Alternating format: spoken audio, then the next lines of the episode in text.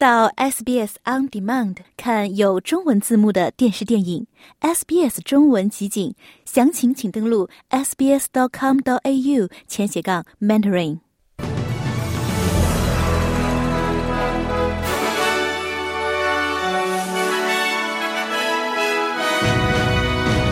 澳洲多个议会考虑取消国庆日入籍仪式。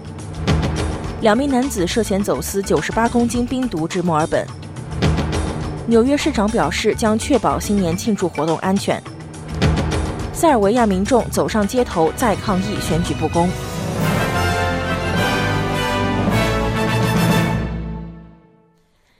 以下是新闻的详细内容。澳大利亚全国有八十多个地方议会表示有意放弃在澳大利亚国庆日及一月二十六日举行入籍仪式。此举被视为尊重原住民和原住民社区的象征，也是改变公民入籍仪式日期的集体努力的一部分。仪式将改在一月二十六日的前三天或后三天举行。然而，阿尔巴尼斯政府被指责试图利用议会来正式更改日期。影子移民部长泰汉告诉天空新闻。联邦政府应该强制议会在国庆日当天举行入籍仪式。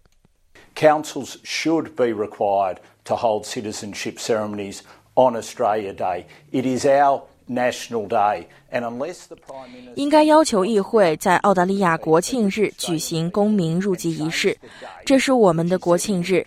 除非总理想与澳大利亚人民坦诚相见并更改日期。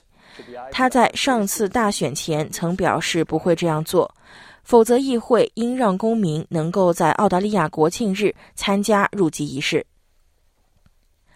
两名男子因涉嫌走私近一百公斤冰毒，将于明年在墨尔本出庭受审。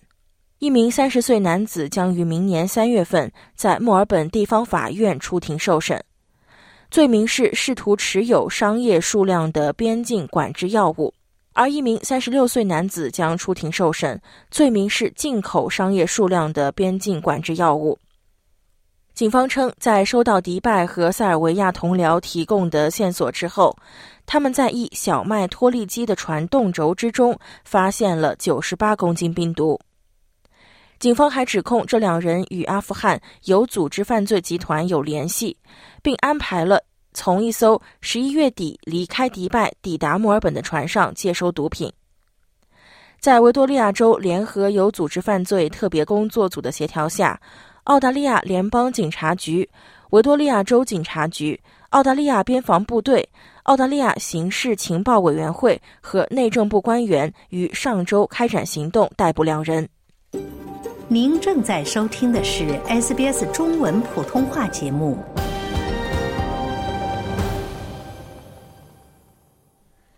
欢迎您继续收听 SBS 新闻简讯。接下来，我们来关注一下国际方面的消息。纽约市市长亚当斯表示，他对今年时代广场新年夜庆祝活动的安全充满信心。据数据显示，2023年美国因枪支暴力而丧生的人数已超过四万。纽约警察局局长马德雷重申了市长的声明，即除夕庆祝活动是纽约全年警力最密集的活动之一。亚当斯表示，他们有经验保证每个人的安全。数百名反对党抗议者在塞尔维亚首都贝尔格莱德游行，抗议者在选举委员会大楼前集合，然后与封锁市中心一条主要道路的学生会合。新年假期高峰期间，学生们对塞尔维亚首都的一条主要交通要道进行了二十四小时封锁，作为抗议近期选举中普遍存在的违规行为的一部分。其中一名学生和抗议者团体成员卡奇卡洛维奇表示，他们是为了民主而战。I am here to support my fellow students and everyone whose votes were stolen in these elections, to contribute to changing this authoritarian regime. 我在这里是为了支持我的同学和所有在这些选举中选票被盗的人，为改变这个专制政权做出贡献，并生活在一个不仅仅是纸面上民主的社会之中。此外，作为一名年轻人和学生，我认为我们是这个社会中最有活力的，应该发挥我们的青春力量，因为学生一直是推动力。因此，我认为从这个意义上讲，我们可以做出很大的贡献。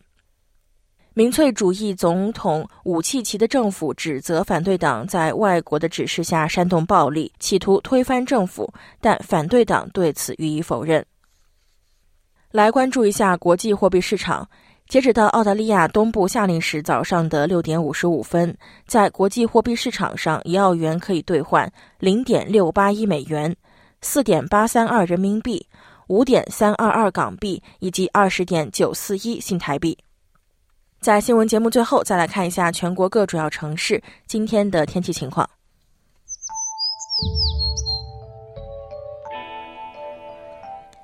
悉尼多云，最高温度二十四度；墨尔本多云见晴，最高温度二十一度；布里斯班阵雨，最高温度二十九度；堪培拉多云，最高温度二十二度；阿德莱德晴，最高温度二十六度；珀斯晴，最高温度三十一度；达尔文可能有暴风雨，最高温度三十五度；霍巴特多云见晴，最高温度二十三度。